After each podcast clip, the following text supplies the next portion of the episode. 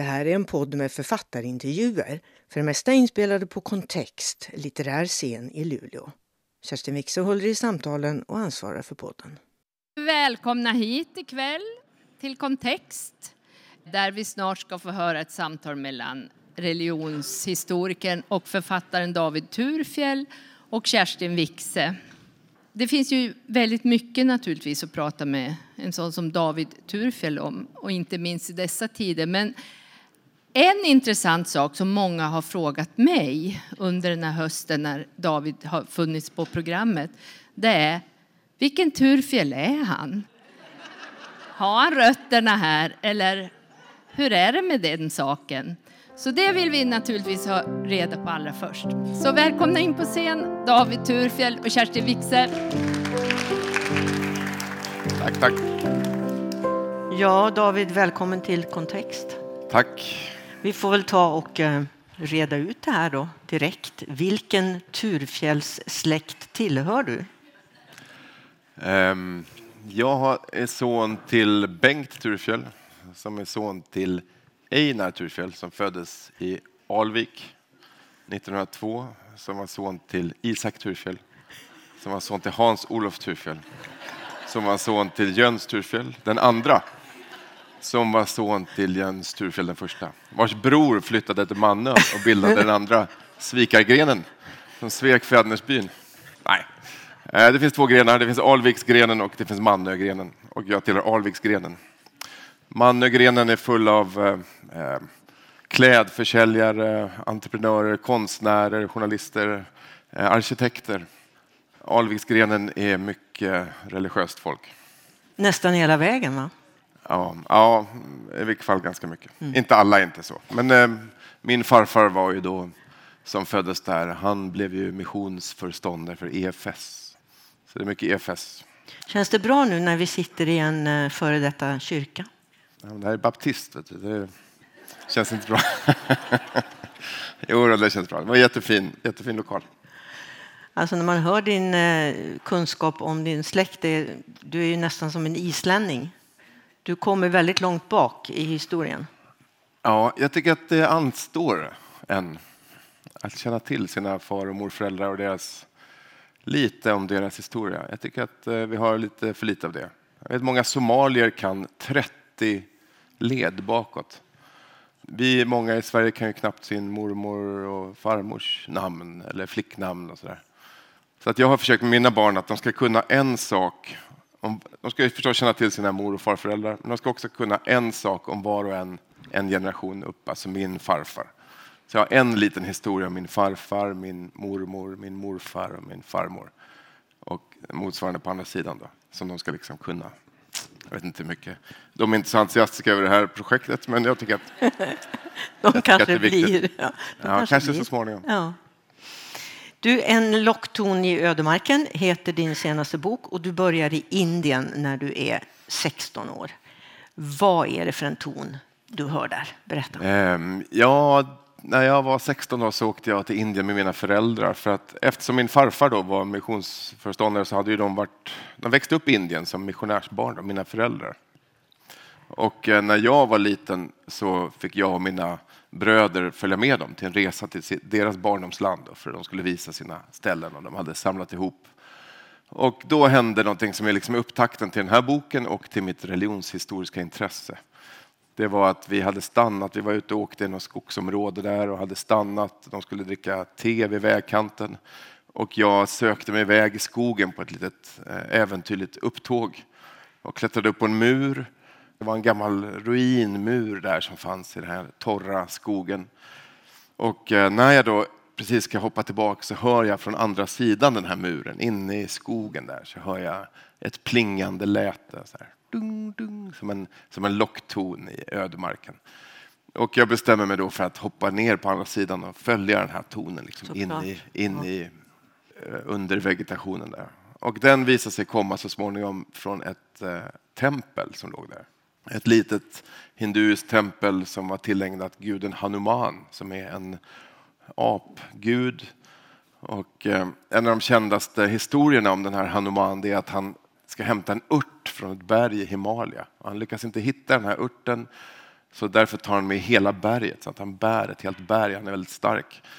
Och eh, den här reliefen föreställer hur den här apguden hoppar med ett helt berg. Och det står någon man där och smetar in den här reliefen med en sorts orange bönpasta som man använder i hinduiska ritualer. Och en annan står och plingar den här klockan då, som jag hört, eller de här symbolerna. Det ska också tilläggas att det var solnedgång och det var liksom det här varma ljuset som kommer, det här uråldriga ljuset liksom i solnedgången. Och det är Indien och det är denna obegripliga scen då, som utspelar sig framför mig.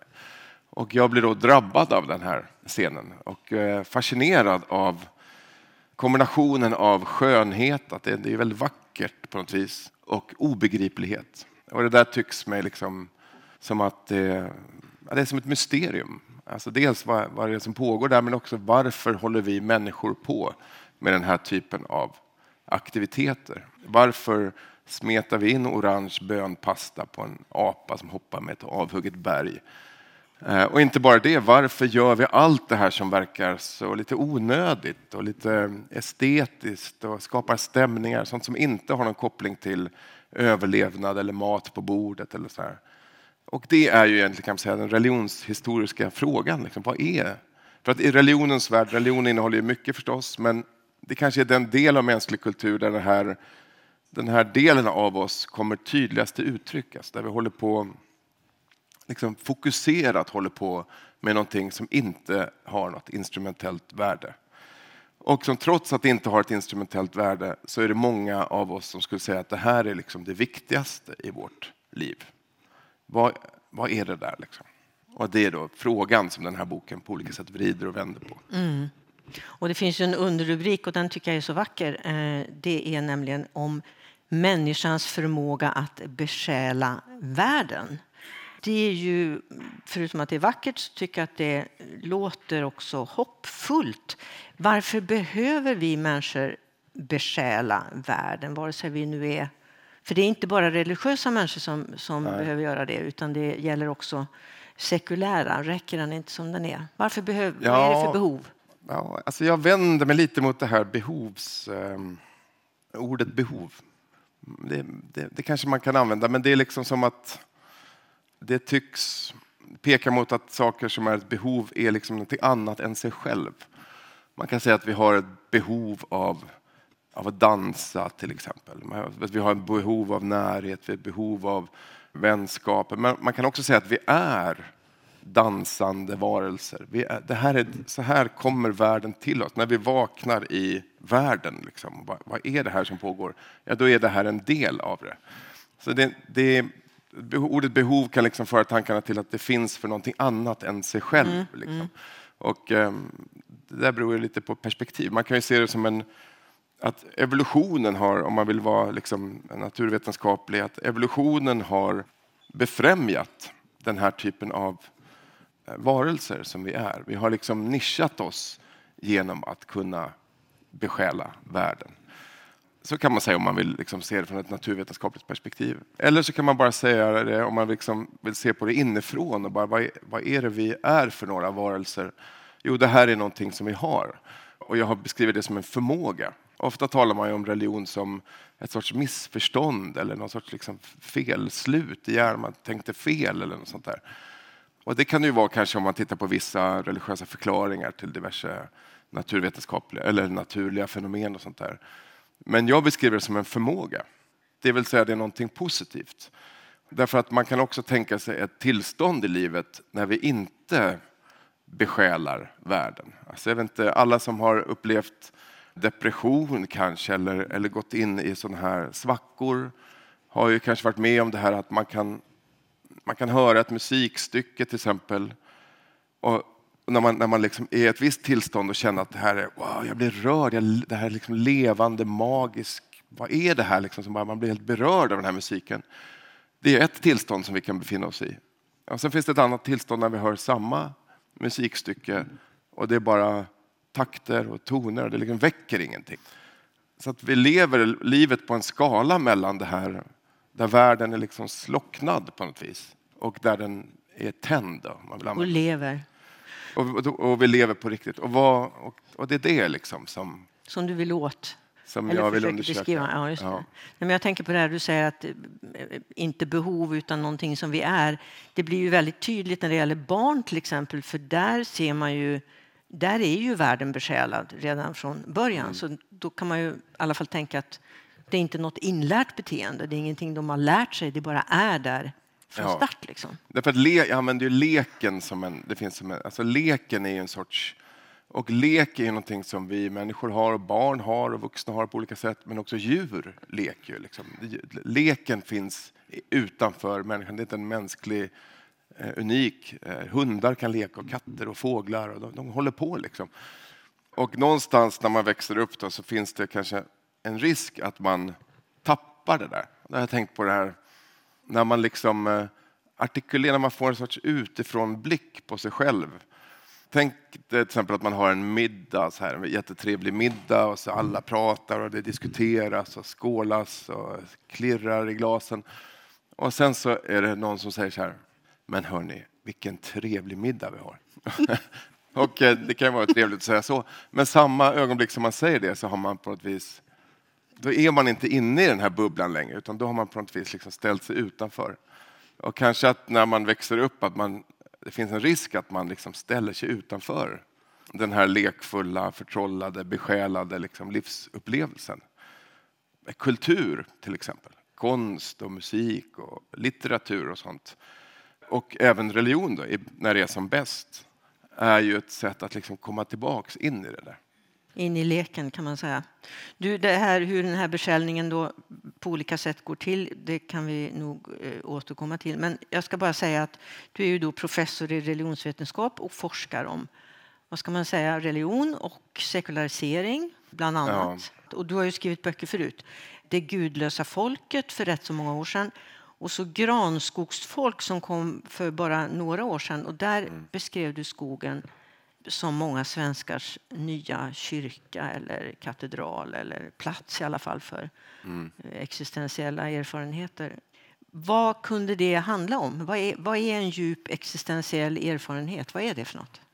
Ja, det var ju det som, som jag undersöker i den boken. Då är det liksom det här med... Ja, men det är jättemånga svenskar då, och även folk i andra länder, men nu handlar det om Sverige, som om man frågar om religion, alltså sekulariserade personer som inte ser sig som särskilt religiösa på något vis, inte så starkt i vilket fall, som när man frågar om religion svarar om skogen. Alltså om man säger så här, vad, vad betyder religion för dig? Ah, men jag är inte religiös. Men det är klart, ibland när jag går i skogen eller när jag är på fjället eller när jag sitter på min stuga och tittar ut över älven, då kan jag känna någonting. Så att man gör spontant den här kopplingen mellan sin egen relation till naturen och det man tänker sig att religion är för religiösa. Och då ville jag undersöka det där och intervjuade massa personer. Och det här gjorde vi i hela Norden och i Estland. Och eh, om vad det är de upplever då i skogen. Och, och då, rubriken i den boken, under rubriken är hur naturen blev svenskarnas religion. Men som du sa här då, i boken så säger jag inte att det är religion utan jag säger att det här är, det finns en existentiell djupdimension i vad naturen betyder för människor. Det är inte bara att man får liksom bär och, och eh, ved och villebråd där, eller motion, utan, eller att man slappnar av eller någonting sånt där, utan det finns också någonting djupt personligt.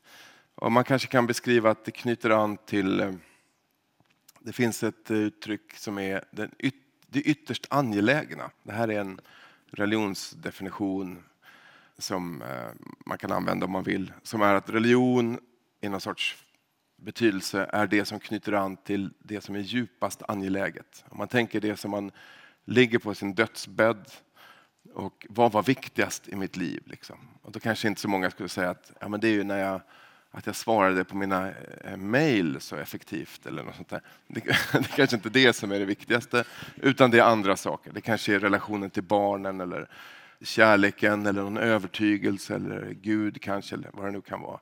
Och när man ska välja sin, om man får välja sin gravsten eller symbolen på sin dödsannons eller, så där, eller var man ska begravas, ja, då skulle många då kanske välja någonting som knyter an till den där yttersta angelägenheten.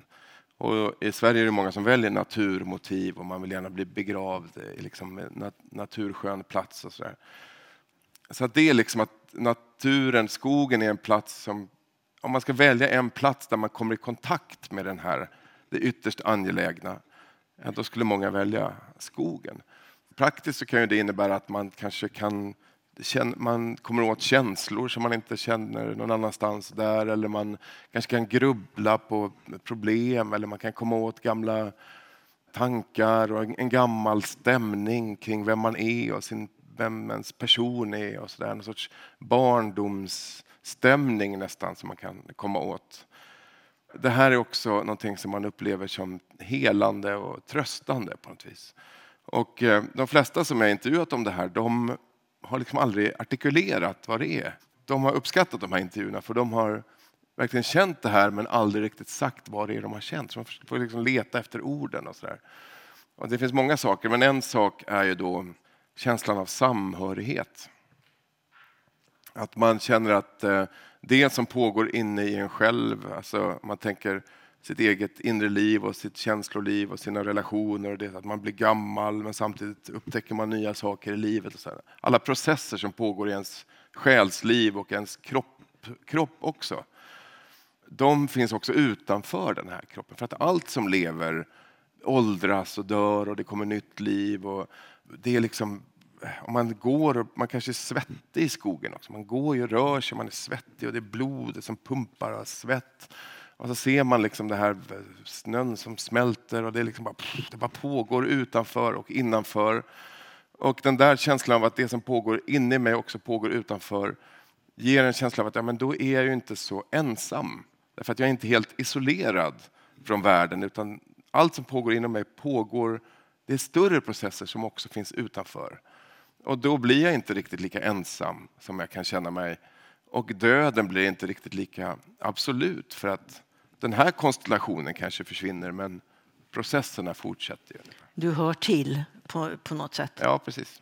Alltså forskning kan ju ibland gå väldigt snabbt framåt. Jag fastnade för en teori där i granskogsfolk som jag tyckte var eh, rolig. Nu tycker jag man hör överallt om att eh, växter har känslor, språk och allt möjligt. Sånt som eh, man för ett antal år sedan inte ens kunde andas om, även om det var de som gjorde det. Men, ja. men det betraktades ju som extremt flummigt. Det finns någon teori där eh, som du beskriver om att det skulle kunna vara rent kemiska processer som påverkar oss i skogen och som gör att vi blir lugna och eh, ja, avstressade. Ja. Det var någon sorts doftämnen. Ja, det finns. Eh, ett, ja, tyvärr så är de är inte så starka de där teorierna. Det går inte riktigt att bevisa dem så mycket som man kanske hade hoppats. Men det finns ju då idéer, men det här är ju snarare en illustration till att man tänker överdrivet medicinskt om det här.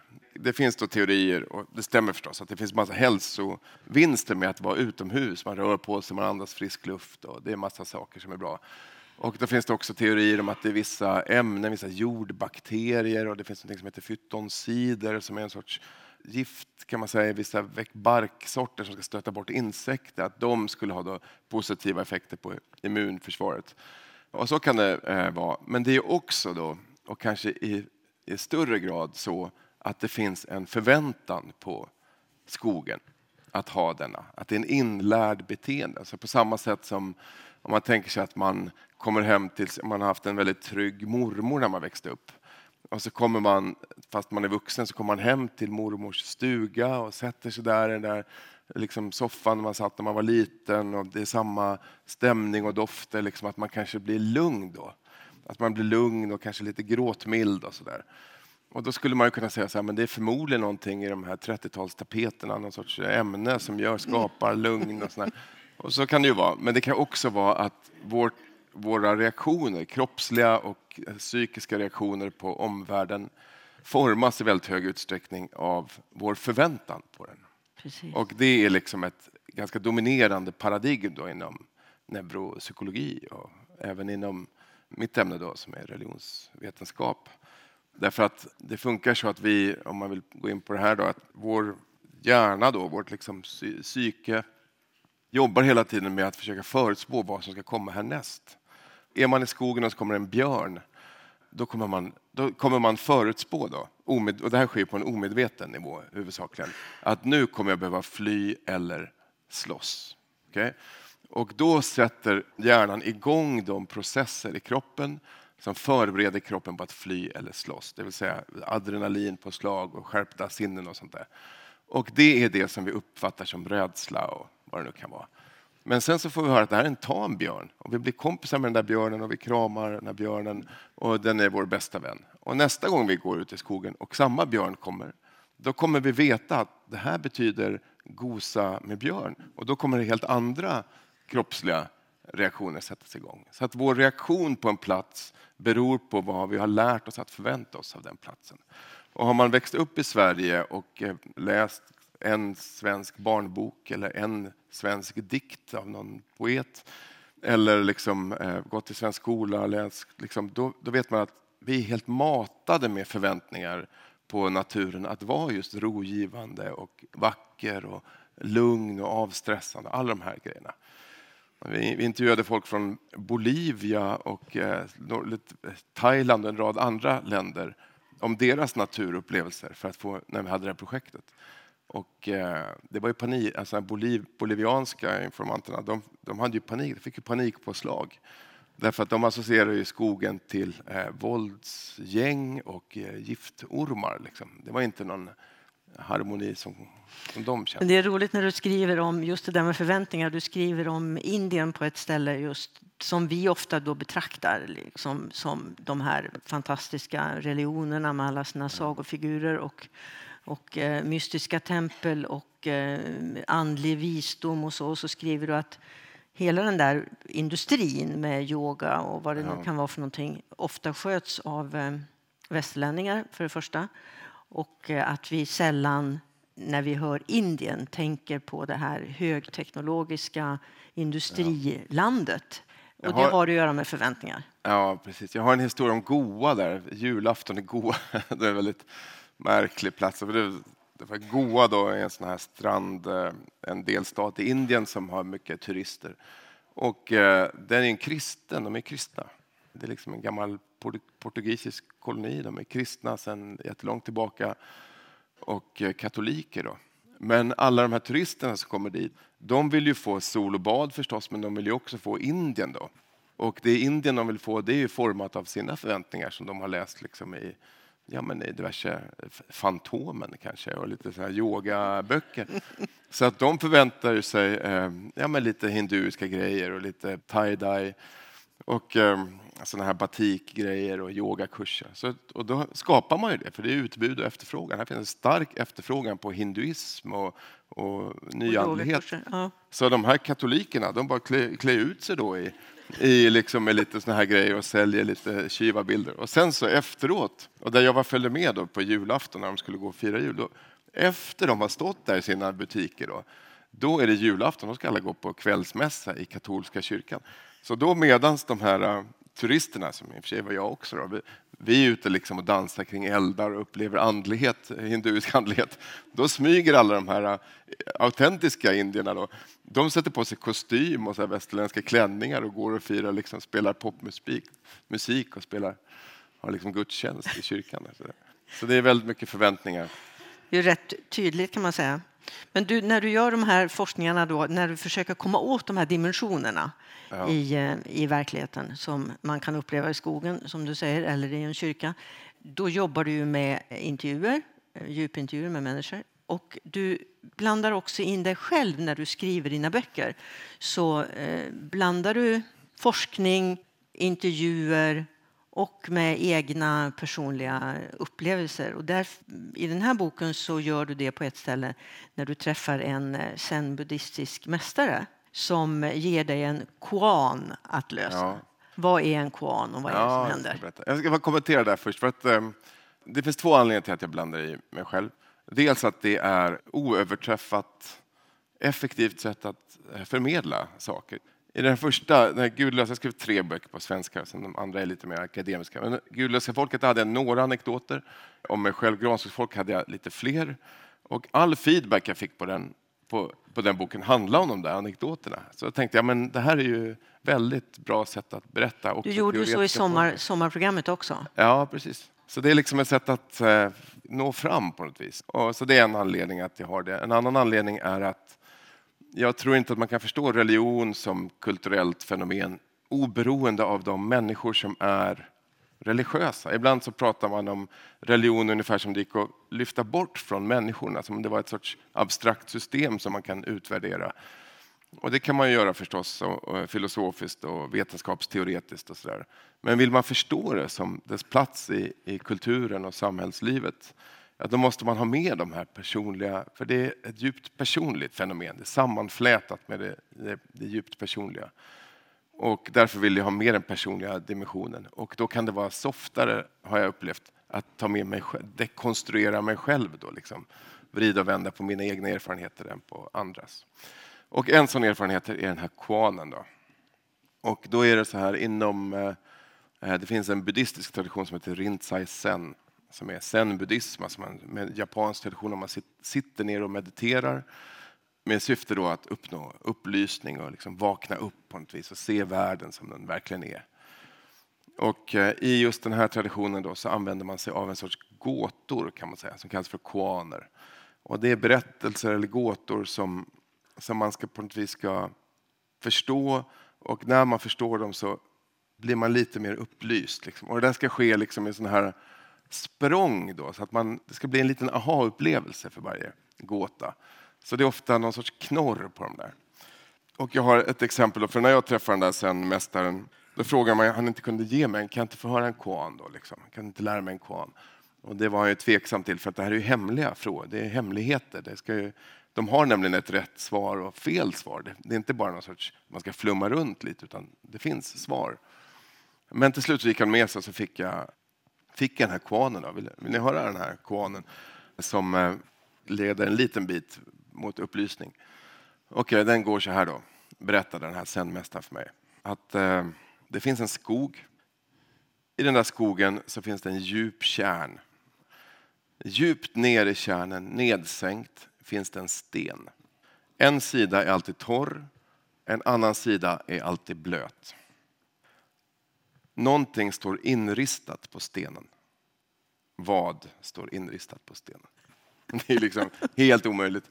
Jag bara, men det här går inte. Och det ska berätta att i den här traditionen så är det också så att om man svarar fel eller om man brister i uppmärksamhet när man mediterar så här, då har de en sorts långa linjaler liksom, så man får ett rapp över ryggen så att man ska fokusera. Så att jag, men nu hade jag, jag var ju liksom inte med riktigt i klostret där så att eh, jag behövde inte få det här rappet. Men eh, frågan var står står inristat på stenen?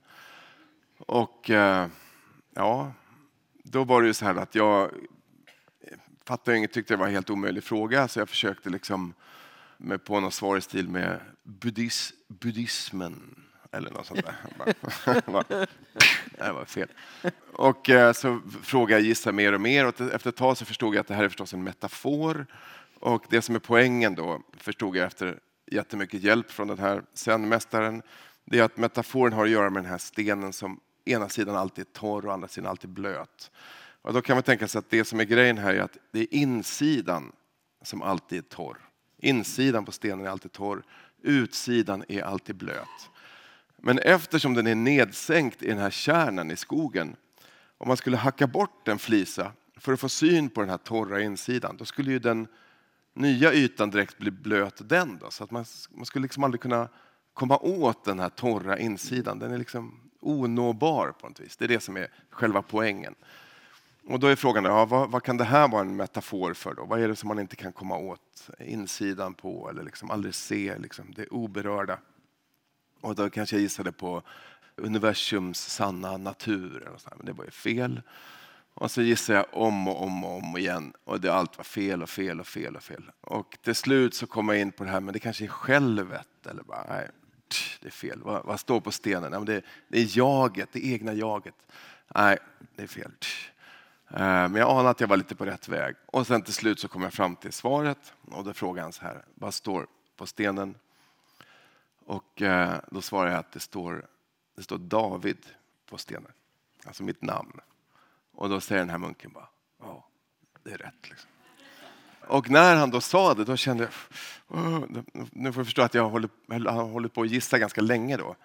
Men det blev en sorts sån här perspektivförskjutning på något vis. För att jag förstod att det här var inte en, en liksom intellektuell, akademisk fråga där jag skulle visa mig på styva linan liksom logiskt. Utan det här handlade om Det handlade om mig, mig själv. Det är mitt namn. Mitt högst personliga namn som mina föräldrar gav mig när jag var liten som står på den här stenen. Det är mitt inre som aldrig kan kommas åt på det här sättet. Så det blev en sorts upplevelse av någon sorts förskjutning. Och det här är klassiskt liksom, återkommande fenomen i religiösa såna här pedagogiska system som ska driva folks andliga utveckling. Att man, man vill provocera fram någon typ av upplevelse som det går inte att säga vad upplevelsen ska, upplevelsen ska vara innan man har fått det. Man måste hitta dit själv. Så man kan liksom bara lirka och peka och komma med massa paradoxer och konstigheter. Och så kanske så leds man på den där vägen. Liksom. Det är bortom logiken, liksom. det kan öppna någonting i, Ja, i, i, i ditt inre eller i, i hjärnan kanske till och med. ja, det går liksom inte att säga det går inte bara att säga det rakt på utan man måste, Processen. man måste processa det indirekt. Så jag har några stories om det där. Du, förtrollning och avförtrollning är ju då begrepp som du rör dig med genom eh, hela boken kan man säga. Och du beskriver att vissa människor har förtrollningen, förtrollningen närmare till hands än, än andra. Vad är det som utmärker dem? Vilka är det? Ja, jag tror att det är... Människor har ju olika personlighets... Vi har ju de här, det finns ju personlighetspsykologiska mm, kategorier. Det här Big Five talar man om. Folk är olika i sin personlighet. Man är, vissa är mer extroverta, andra är mer introverta. Och vissa är mer öppna, andra är mer kritiska. Vissa är mer neurotiska, andra är mer lugna. Vi har sådana här personlighetsdrag som man kan beskriva. Och, eh, det där kan ju variera i olika situationer men det är ändå ganska stabila enheter. Och de där knyter an då till andra personlighetsförmågor som man kan studera. Och en sån förmåga är eh, förmåga till absorption till exempel. Att eh, när man lyssnar på musik att man kan bara sjunka in i musik eller sjunka in i en film. Eller vissa barn kan bara man kan dras in i någonting och liksom bara helt sugas upp. Andra är mer avvaktande. Det finns något annat som heter fantasibenägenhet eller fantasy proneness som också är en sån här grej. Att eh, dras in i fantasivärldar eller uppleva fantastiska saker. Till exempel att drömma sanddrömmar eller ha låtsaskompisar eller få déjà vu-upplevelser. Det finns massa sådana saker som människor är olika där. Så det är en nivå. Sen så har vi också förstås att man har en kulturell beredskap för vissa saker. Så i vissa kulturer eller sociala sammanhang så finns det en sorts norm att man ska vara på endera eller andra sättet. Och det där gör att beroende på omgivningen och beroende på ens grundläggande personlighet så kan man ha mer lätt för, eller man kan vara antingen mer skeptisk och förnuftig, rationell kan man säga, eller mer, ja, ha den här benägenheten till att uppleva världen som förtrollad. Ja, det finns liksom en Olika. åtskillnad. Får jag, får jag gissa att du tillhör de, eh, de förtrollande då? Att du tillhör de här som kan ha lätt för det? Gäller det Eh. alla religionshistoriker? Alltså, måste Nej, man det- ha det draget? Nej, det är... Jag, jag är tillhörd av den kategorin. Men det, då måste jag bara skilja. Det innebär inte då att man nödvändigtvis tror. Man måste skilja på vad, hur man tror att världen är beskaffad och hur man upplever världen. Jag, jag får ibland så här synmigrän och då kan jag få så här äh, som ett, det kan säkert många som har upplevt det här, man får som ett zigzagmönster här. Det är som att det flyger ett zigzagmönster. Jag upplever ju att det finns liksom utanför mig själv, mellan mig, om jag får ett sånt där synmigrän. Jag upplever att det här zigzagmönstret, liksom någon sorts ljusfenomen, att det finns utanför mig. Jag ser ju det med min blick. Men det innebär inte att jag tror att det där finns utanför min hjärna. Så man måste skilja på hur man försanthåller, hur man tänker sig att världen är beskaffad och hur man erfar världen. Och det tycker jag kan gälla de där sakerna också. Det är inte så att det är en majoritet, kanske 50-50 ungefär. De flesta religionshistoriker och religionsvetare har någon sorts relation till religion. Och det kan vara att man, har, man själv har en sorts religiös längtan eller någonting. Men det är nästan lika ofta, kanske oftare, så kan det vara att man är traumatiserad av religion. Man har växt upp inom en destruktivt religiöst sammanhang och man måste förstå det här. Ah. Jag har, första kapitlet, eller en av de första diskussionerna i den här boken handlar om intresse. Varför intresserar man sig för någonting? Varför blir vissa drabbade av en tematik medan andra tycker att det liksom är ointressant? Jag är själv ganska ointresserad av aktiemarknaden till exempel. Och eh, om någon börjar prata om liksom Dow Jones index eller något sånt där, det är som att jag bara det lägger sig en hinna av ointresse över mig. Jag förstår att det är viktigt, och det är bara att jag går inte igång på det där. Du fejdar ut. Ja, men om någon säger så här, men tänk dig en apa, orange past, bönpasta på en apa som hoppar. Då bara, Va, vad, nu, vad är det här? Liksom, då, det liksom berör, berör mig på något vis. Medan vissa känner, känner samma liksom dimridå och då. Och då kan man fråga sig, hur kommer det där sig? Och då tror jag att eh, intresse skapas när någonting eh, medför ett mysterium, när det liksom är någonting olöst. Man kan, är, man kan ta ett vardagligt exempel. Jag ser någonting, man ser någonting som ligger under mattkanten här. Bara, vad fan är det där? Liksom. Så, jaha, det var, ja, det var en eh, hårsnodd. Och i samma ögonblick som jag förstår att det är en hårsnodd så har jag noll intresse för det där. Men så länge jag inte riktigt förstår vad det är så kittlar det någonting. Och samma sak med Dow Jones-index då för vissa. Det, är liksom, det triggar någonting. Det här är liksom, ja, jag vill förstå det här med vad det nu kan vara. Och för mig är det någonting i det där religiösa då, som eh, kanske kommer åt, vill man vara lite psykoanalytisk, det kanske kommer åt någonting i mina egna grundstämningar eftersom jag kommer från en sån här släkt som är fylld av de där grejerna det är en del av mitt förflutna som jag inte riktigt förstår. Eller av mig själv kanske som jag inte förstår. Men går det ens att beskriva det där? Du skriver om eh, Dan Andersson och hans berömda Det finns något bortom bergen. Ja. Bortom blommorna och sången. Alltså den sången uttrycker ju den där känslan. Det finns något bortom, det finns något mm. större. Längre fram handlar det lite om döden, men om vi nu stannar vid det här. Vad är det där större? Vad känner du när du hör Tiggaren från Låsan när någon sjunger den? Vad är det han längtar efter? Jag har en gång suttit i fängelse eller häkte i Samarkand. Mm. Jag var häktad i Samarkand. Och, då, ja. och det enda jag hade då, det var för att jag hade en, de hade tagit mina pengar, mitt pass, biljetter, allting. Jag hade ingenting. Men jag hade i min ficka en liten sån här fickalmanacka. Lilla fick fanns det en liten almanacka som jag alltid hade fram till mobilerna kom. Och i den hade jag den där dikten av Dan Andersson utprintad och hopvikt för jag skulle lära mig den där. Så att jag satt hela natten där i häktet i Samarkand och lärde mig den här dikten utan till. Och då kände jag mig att det var eh, det var en bra dikt att ha med sig i det, i det läget. Nej, jag blev oerhört tilltalad av det där.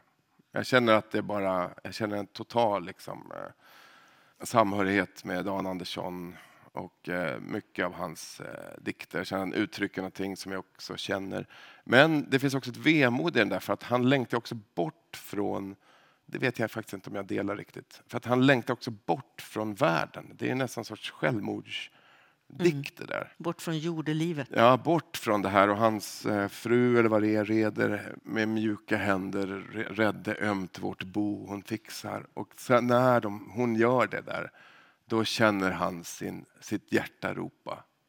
Kom till oss, till denna världen, den är inte riket. Han, han måste bort. Liksom. Så det är någonting eh, väldigt eh, anti-världen. Och det känner inte jag riktigt på samma sätt. Och då frågar jag, vad är det då? Vad är detta bortom mm. bergen? Och då, den första frågan då är, är det någonting? Mm. Och eh, här kan man ha en religiös kan man säga, syn på det eller en sekulär. Och den här boken balanserar då på, på den här balansen mellan de här två. Därför att ett religiöst förhållningssätt det är ju att när jag förnimmer detta, någonting bortom bergen, jag anar en viskande röst i mitt hjärta, någonting, då förnimmer jag någonting som finns där ute oberoende av mig själv. Alltså någonting gudomligt eller högre. Eller så här. Så att då förnimmer jag någonting som finns.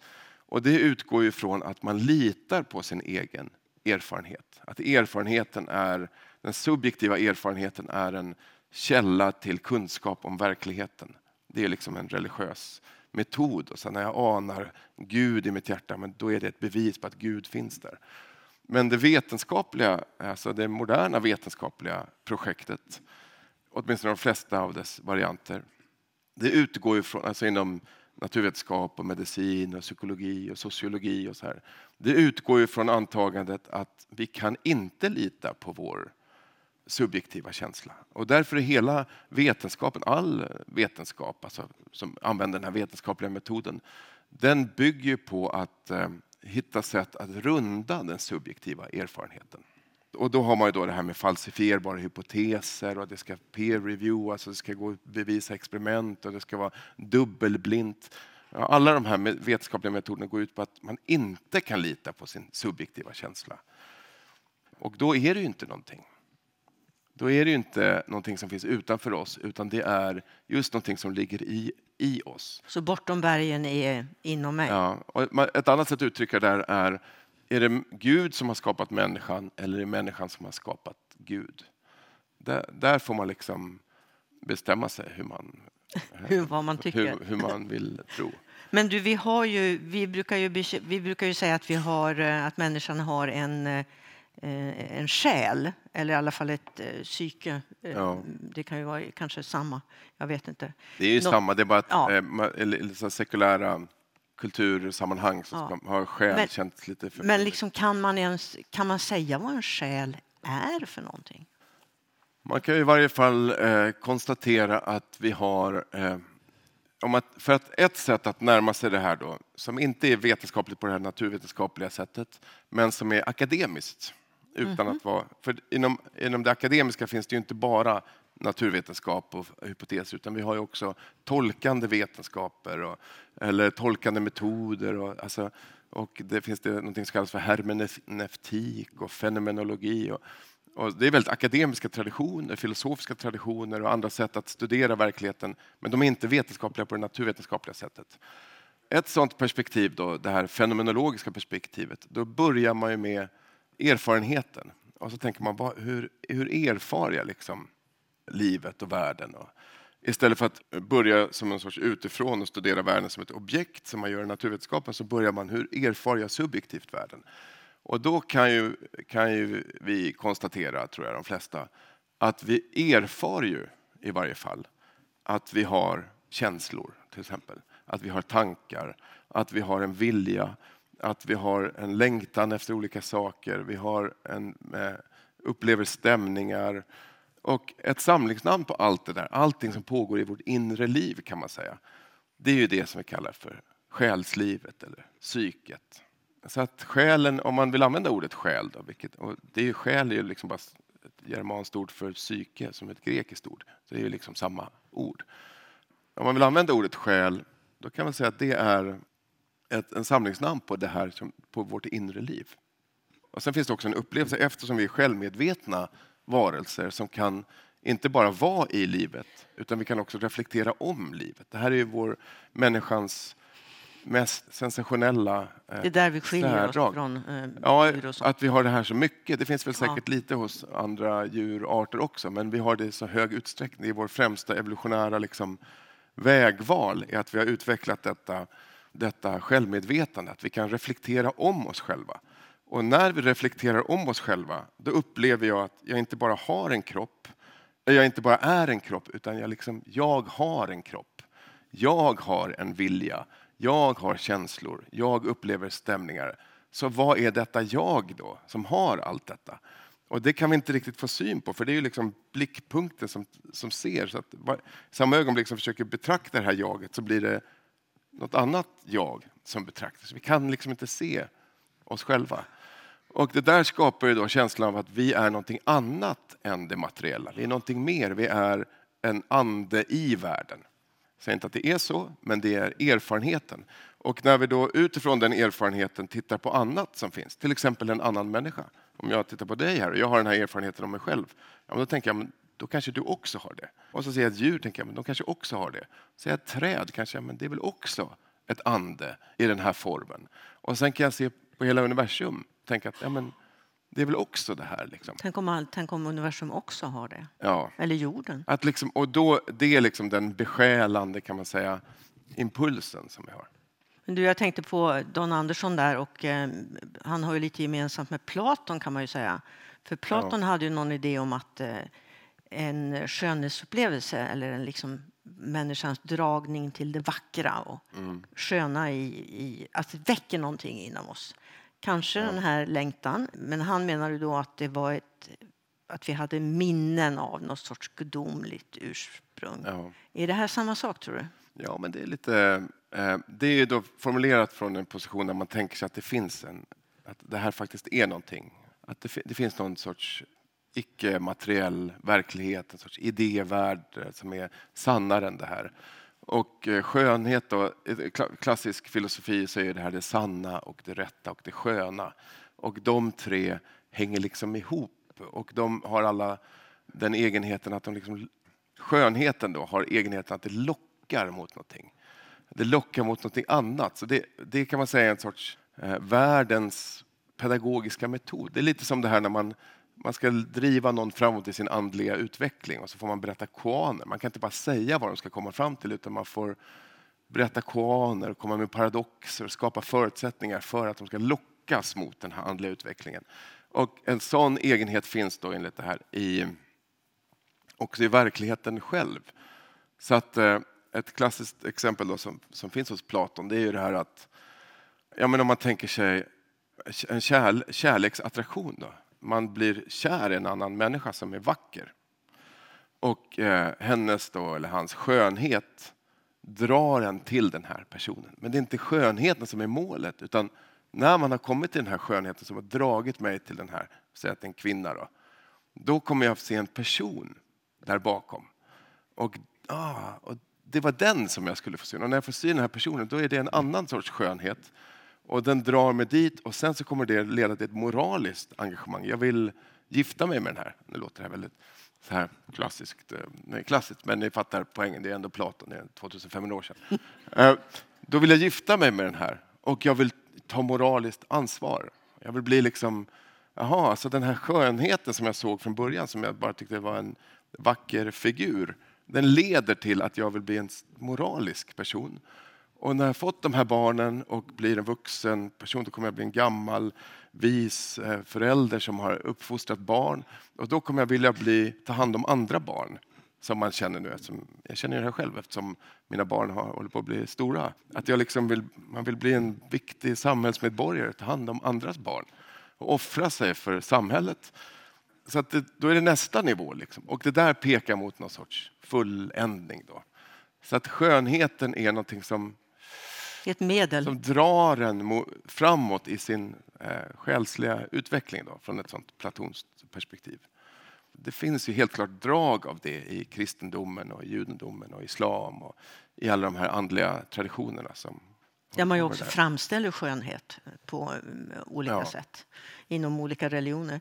Du, den där locktonen i Indien, den, det sa du ju, bidrog ju till att du så småningom började studera då religionshistoria i Uppsala. Och Ja. tidigare här på kontextscenen, då fick vi lära oss, undrar om du vet det, att Uppsala universitet är byggt av pengar som kom, kommer från laxfisket i Luleå. Allt du kom det? från Luleå. Allt kommer från Luleå. Det lärde vi oss. Men du skriver ju då bland annat i din bok om att det här begreppet religion då, som ju sträcker sig över många olika eh, religioner, både lockar och skrämmer dig. Vad är det som lockar och vad är det som skrämmer? Ja, men alltså, det som lockar är ju allt det här som vi har snackat om hittills. Att det, wow, det är så himla mustigt på något vis och vackert och Platon och Dan Andersson. Allt Och sånt bra där historier. Då. och historier. Och liksom, världen blir liksom, eh, som en saga på något vis. Och det som skrämmer är ju att samma förmåga att besjäla eller skapa den här känslan av eh, att det finns någonting högre och så här, som kan användas till positiva saker. Det kan ju också användas till oerhört destruktiva saker. Och då ska man komma ihåg att mitt primära så forskningsfält från början det var ju iransk eh, islam. Och iransk eh, islam är en eh, otroligt platonsk mystik tradition som Ayatollah Khomeini var liksom en plat platonist av, av rang, en utbildad mystiker och en filosof som kände den här locktonen garanterat. Och eh, det system som kom som en, som en konsekvens av det har ju varit eh, fullständigt förödande för miljontals eh, iranier. Så att samma förmåga att besjäla liksom upplevelsen av skogen eller vad det kan vara kan ju också användas för att besjäla känslan för det tyska folkets överlägsenhet eller för den ariska rasen eller för berättigandet av eh, olika typer av våldshandlingar och sådär. Så att det är verkligen ett tveeggat svärd det här. Därför måste man ju hantera det oerhört varsamt. Alltså lögn, vi pratade om lek förut. Lögn och lek ju, kan ju ligga väldigt eh, nära varandra. Ja. Eh, gör de det inom religionerna skulle du säga? Ja, men det är lite så här. Jag har en historia där om, som är ett besök i eh, ett hinduiskt så här pilgrimsstad som heter Gokarna som är en sorts lek med de här två sidorna. För att då första dagen så jag kommer dit så blir jag rundvisad av en väldigt from person som visar mig alla de här templen och de här fantastiska statyerna och, och hela stämningen och folk dansar, och färger och rökelser och sitter en fattig liten eh, bramin brahmin och tar emot för en rupi så offrar han en banan där och det är, det är fantastiskt vackert och otroligt. Jag, jag är helt liksom storknar av fascination över skönheten. Och sen så några dagar senare så kom jag tillbaka till samma stad i sällskap med en annan eh, kille som jag lärde känna där. Men han var en marxistisk skeptiker som hatade hela den här eh, hinduiska liksom, cirkusen. Och eh, han är helt ointresserad av att berätta de här gudastatyerna och vad de olika riterna betyder, utan han pekar bara på ägandestrukturerna i den, i den här stan. Precis samma liksom, vandring som vi går. Och eh, då berättar han att det där hotellet som de har byggt, det är ju samma brahmin, alltså prästfamilj, som har byggt det hotellet som äger det här templet. Och det är också de som har startat det där bussbolaget som eh, chartrar liksom folk från Bombay som kommer hit. Så att först så åker de buss så tjänar de pengar på buss, sen bor de på deras hotell. Sen klär samma familj ut sig till så fattiga braminer och tar enkla donationer för att ge välsignelser eh, i templet. Så att han var ju oerhört skeptisk och såg bara det här som en sorts makt, maktteknik, en härskarteknik. Och det var ju det. Men det var också den här fantastiska, mysteriösa, vackra platsen. Och det här är liksom ett genomgående tema i hela boken, att det är det är samtidigt det här. Om man tänker att, eh, som den här marxisten då, som jag gick med, som bara helt tänker bort det här, det vackra och det berörande och det liksom eh, mystika känslan och stämningen som det ger folk. Man tänker bort det, då förstår man inte fenomenet. Därför att det är det som gör att folk fortsätter och kommer dit och det är det de vill ha. Och ibland kan man acceptera lögner. Ja, jag har en historia som inte finns med i boken men som är eh, också illustrerar här. Det var en annan eh, person som jag intervjuade. Som, eh, ni vet Osho Rajneesh som var en stor guru. Han hade den här Bhagwan-rörelsen där folk hade röda kläder. Och Ted Gärdestad var med på 70-talet. Och, så där. och den här mannen som jag intervjuade, han var en av Oshos allra närmsta medarbetare. Och det var en guru och de var i Indien och det var fantastiskt och de hade en andlig våg som svepte genom världen och skulle liksom göra revolution och de åkte till USA och de hade ett helt stad där som de tog över och han bodde där och de byggde upp sitt andliga värld där.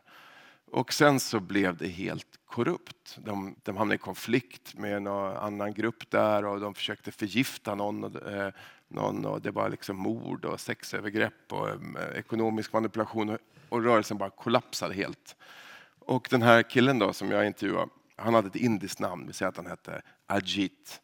Som han hade fått ett namn, ett andligt namn som han hade fått av Osho själv.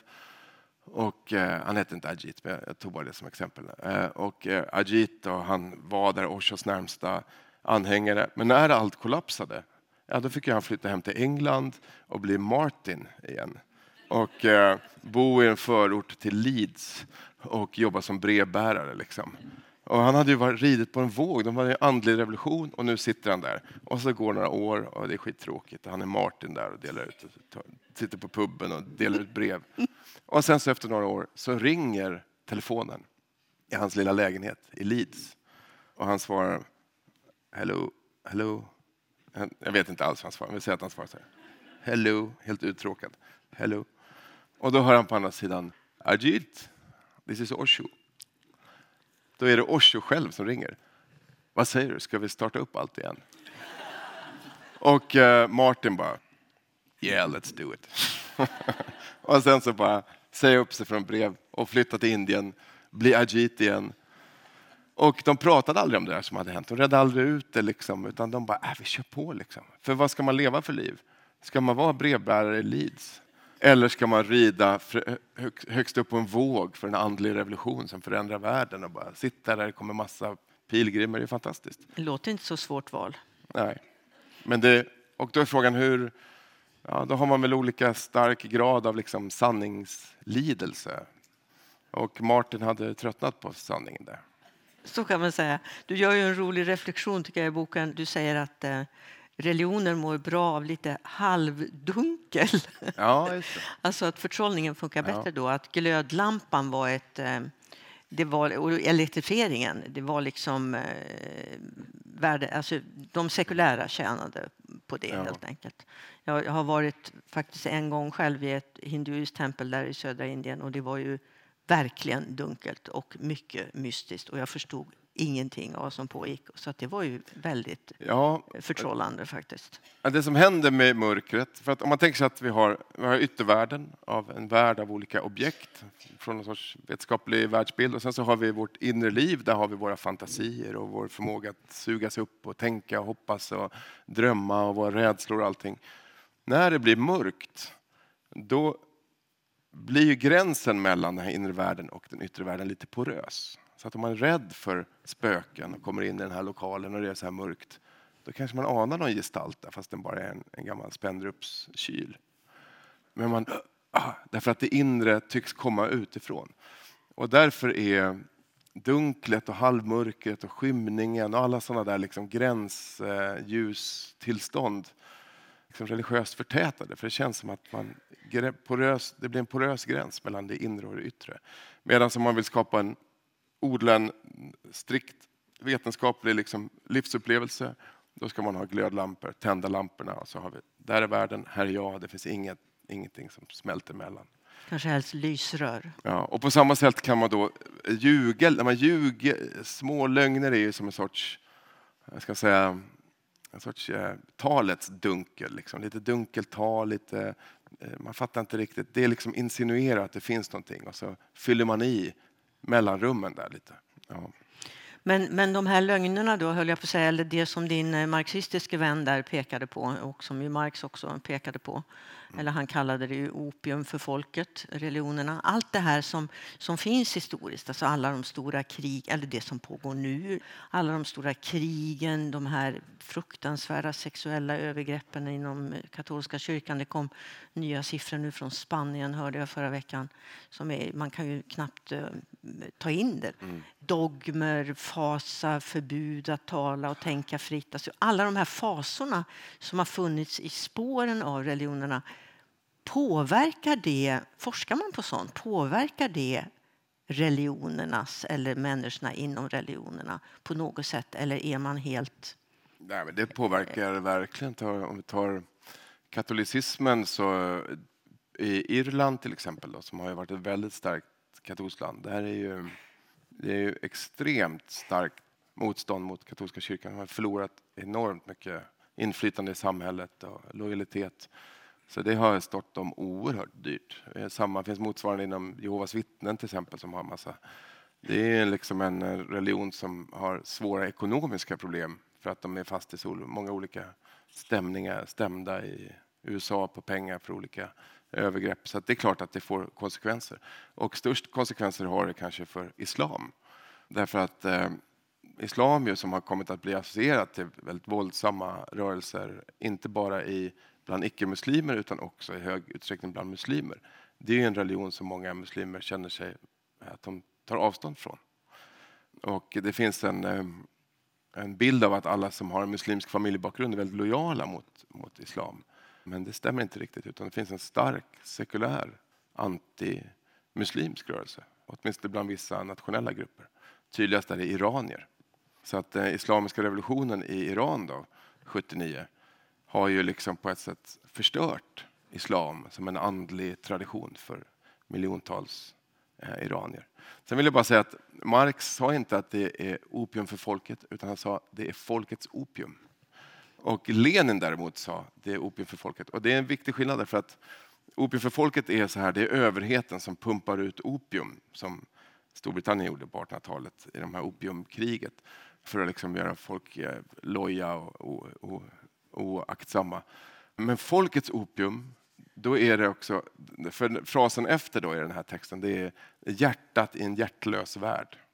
Och eh, som Marx säger, och då är det så här att när folk lever i lidande, misär då, så måste de ta till någonting. De måste hitta någonting att dämpa. Så det är folket som är aktiva i Marx analys. De är inte bara passiva mottagare utan de tar till det här. Och när de, man ändrar samhället så att de inte längre behöver lida så mycket, då kommer de inte behöva religion. Det är Marx idé. Mm. Så när vi har lyft oss upp från mm. basbehoven. Och fått, precis, fått proletariatets diktatur. Då, då behövs inte det längre. Jag vet inte om det lyckades så bra, men det var i alla fall idén. Det var idén. Du, religiositet hjälper mot dödsångest har, har eh, då någon sorts forskning visat hur man nu eh, kommer ja. fram till det. Men, men du föreslår att tro kanske är ändå vårt sista hopp på något sätt eller att för, kan försvara oss mot, mot döden i någon bemärkelse. Ja, det tror jag är kanske... Om man ska liksom koka ner allting till en religionen har ju massa olika syften och funktioner och betydelser och meningar i människors liv och i samhällen och sådär. Men om det är någonting som, som man ska lyfta fram i första rummet så är det väl kanske detta att vi är dödliga varelser och vi, det här självmedvetandet gör att vi förstår detta. Och religion är ju en oerhört effektiv metod, om, om inte annat, för att komma till bukt med den insikten. Därför att den skapar just en sorts vaccin mot döden genom att säga att döden, till exempel genom att säga att döden inte är slut. Alltså på, på, på en, en nivå är det här, ja men religionen säger att vi dör inte när vi dör, utan vi fortsätter leva eller på något sätt. Men det är inte bara på det sättet som den är en vaccin mot döden och dödsångesten, utan det är också att den på något vis upplöser den eh, kronologiska tiden. Det här med att vi lever, om man tänker sig den krassa världen, vi lever i en kronologisk tid. Det går, veckorna går och månader och sen dör vi. Liksom. Men den religiösa hållningen och religiösa berättelserna och det här liksom som vi människor också kan uppleva, det upplöser ju på något vis den där känslan av att det är så där och säger, eller vi beter oss, religiösa människor beter sig som om det inte var så. Som det fanns en annan riktning också, en sorts vertikal dimension. Och det gäller förstås i ritualer och i läror och sånt där. Men det kan också gälla helt sekulära personer. Till exempel människor som när man besöker sina anhörigas gravar till exempel så är det väldigt vanligt att man pratar med de döda. Fastän man, man kan vara superateist och sekulär och naturvetenskapligt skolad och ändå så pratar man med sin döda mamma. Och när man gör det, även om man inte tror på det, så är det ju att man agerar som om hon fortfarande fanns där. Så man beter sig på ett sätt liksom, som om... Det är en sån här lifehack. Man, liksom, man lurar döden på något vis. Jag har en story där om den här personen som bad. Det tycker jag själv är en ganska fin historia. Då var det en man som jag intervjuade som hade haft en krisperiod i sitt liv.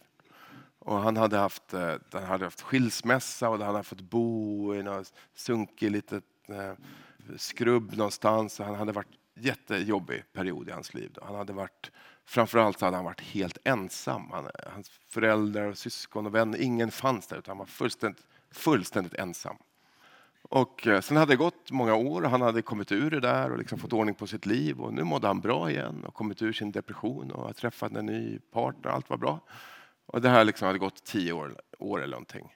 Och sen hade han träffat någon kvinna, någon religiös kvinna som han hade berättat det här för. Att, eh, han, var, att han ibland kunde få hugg av det där, den där gamla sorgen. Och huggen var att han mindes att han var så ensam där. Liksom. Att han faktiskt var så fullständigt övergiven under den där perioden. Och då hade den här kvinnan sagt så här, men jag, jag ska be för dig. Liksom han var sekulär ateist. Han bara, men det är lugnt, liksom. jag mår bra. Det, det, jag mår bra nu. Hon bara, nej, nej, nej, men jag, jag, ska inte be för dig nu. Jag ska be för dig då. Jag ska be för dig mm. som låg i den där skrubben för tio år sedan. Och då är det, vad är det som händer då? Eh, jo, det betyder ju det, även rent krast och sekulärt, att när han tänker tillbaks på sig själv så var han ju faktiskt inte riktigt så ensam som han trodde för tio år sedan. Därför att det fanns ju någon, förvisso en kvinna i framtiden, som på något vis tänkte på honom och skänkte honom sin omtanke. Och en omtanke är ju ändå en abstraktion. Om någon sitter i ett annat rum och tänker på en kan man ju bli tröstad fast den sitter i ett annat rum. Så det är ändå en sorts fantasikraft. Och då kan den väl komma från framtiden lika väl. Så det är som att den typen av tankar kan liksom lura den kronologiska tiden, tiden på något vis. Du, mot slutet av boken, ja, ni förstår ju att vi är i slutet av samtalet nu eftersom vi pratar om döden, men före eller efter döden så pratar du om visdom. Du resonerar ja. kring begreppet visdom och då menar du att visdom skiljer sig från intelligens och det skiljer sig från eh, stor faktakunskap och så vidare. Vad är visdom? Vad är det egentligen jag säger där? Ja, men det är väl det här eh, det finns, det finns en historia som handlar om en eh, som var från Iran. Då var det, en, det finns en oerhört högt lärd och mästare inom den här religiösa traditionen, shiitisk islam. En stor mystiker. Liksom. Och eh, det berättas då bland de unga muslimerna där i Iran att han, den här Ayatollah Bajat, heter han, att han har, står i direkt kontakt med Mahdi, och Mahdi är ungefär Messias kan man säga. Men det, man kan säga det är upplysning, det, är det här målet. Här. Och då träffade jag en kille som hade träffat Ayatollah Bajat, en ung man, han kanske var 18 år. Och han hade, gick på en koranskola och till den här koranskolan hade Ayatollah Bajat kommit och liksom välsignat de här pojkarna. Och då hade han fått möjligheten att ställa en fråga till honom. Och då hade han sagt här, gått fram och skakat hand så hade han sagt, är det sant att du har träffat Mahdi? Är det sant att du har kontakt med den här Messiasfiguren? Då hade, då hade eh, Ayatollah Bajja sagt så här, min pojke, fortsätt att studera. Fortsätt att studera. Och då frågade jag, men hur tolkar du det då? Och då sa han så här, jag såg det som ett bevis på att han hade träffat Mahdi. För att eh, han har något, ja, det var, det var ju lite, han fyllde i eh, mellanrummen där. Men det är någonting med visdomen, att den inte kan den, att den tystnar lite på något vis. Och då har jag tänkt att det är därför har jag insett liksom nu när jag tänker på min egen tvärsäkerhet under hela mitt uppväxt här. Alla gamla människor som man har pratat med, gamla släktingar och mor och farföräldrar. Som när man har liksom tvärsäkert då, lagt fram sina teorier om världen. Hur de har suttit och bara, mm, intressant, ja, jättebra, här får, här får kakor och kaffe, jättebra. jättebra. För de vet att det här är en sorts fas som jag har befunnit mig i. Och de går inte i clinch med det där, utan de säger bara bra, min son, fortsätt att studera. Och det, är, det är en sorts visdom. Det är en sorts visdom. Med de visdomsorden så måste vi avsluta. Tack David Turfjell för att du kom till kontext. Vi kan eh, fundera vidare och eh, ni ska naturligtvis läsa den här boken. En lockton i ödemarken. Tack David. Tack för att du fick komma hit. Tack.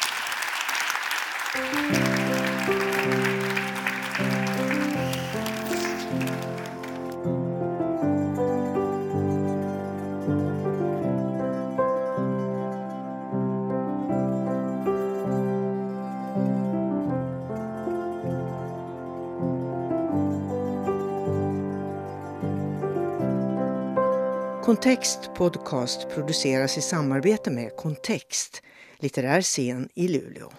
Författarscenen drivs med hjälp av Statens kulturråd och Luleå kommun.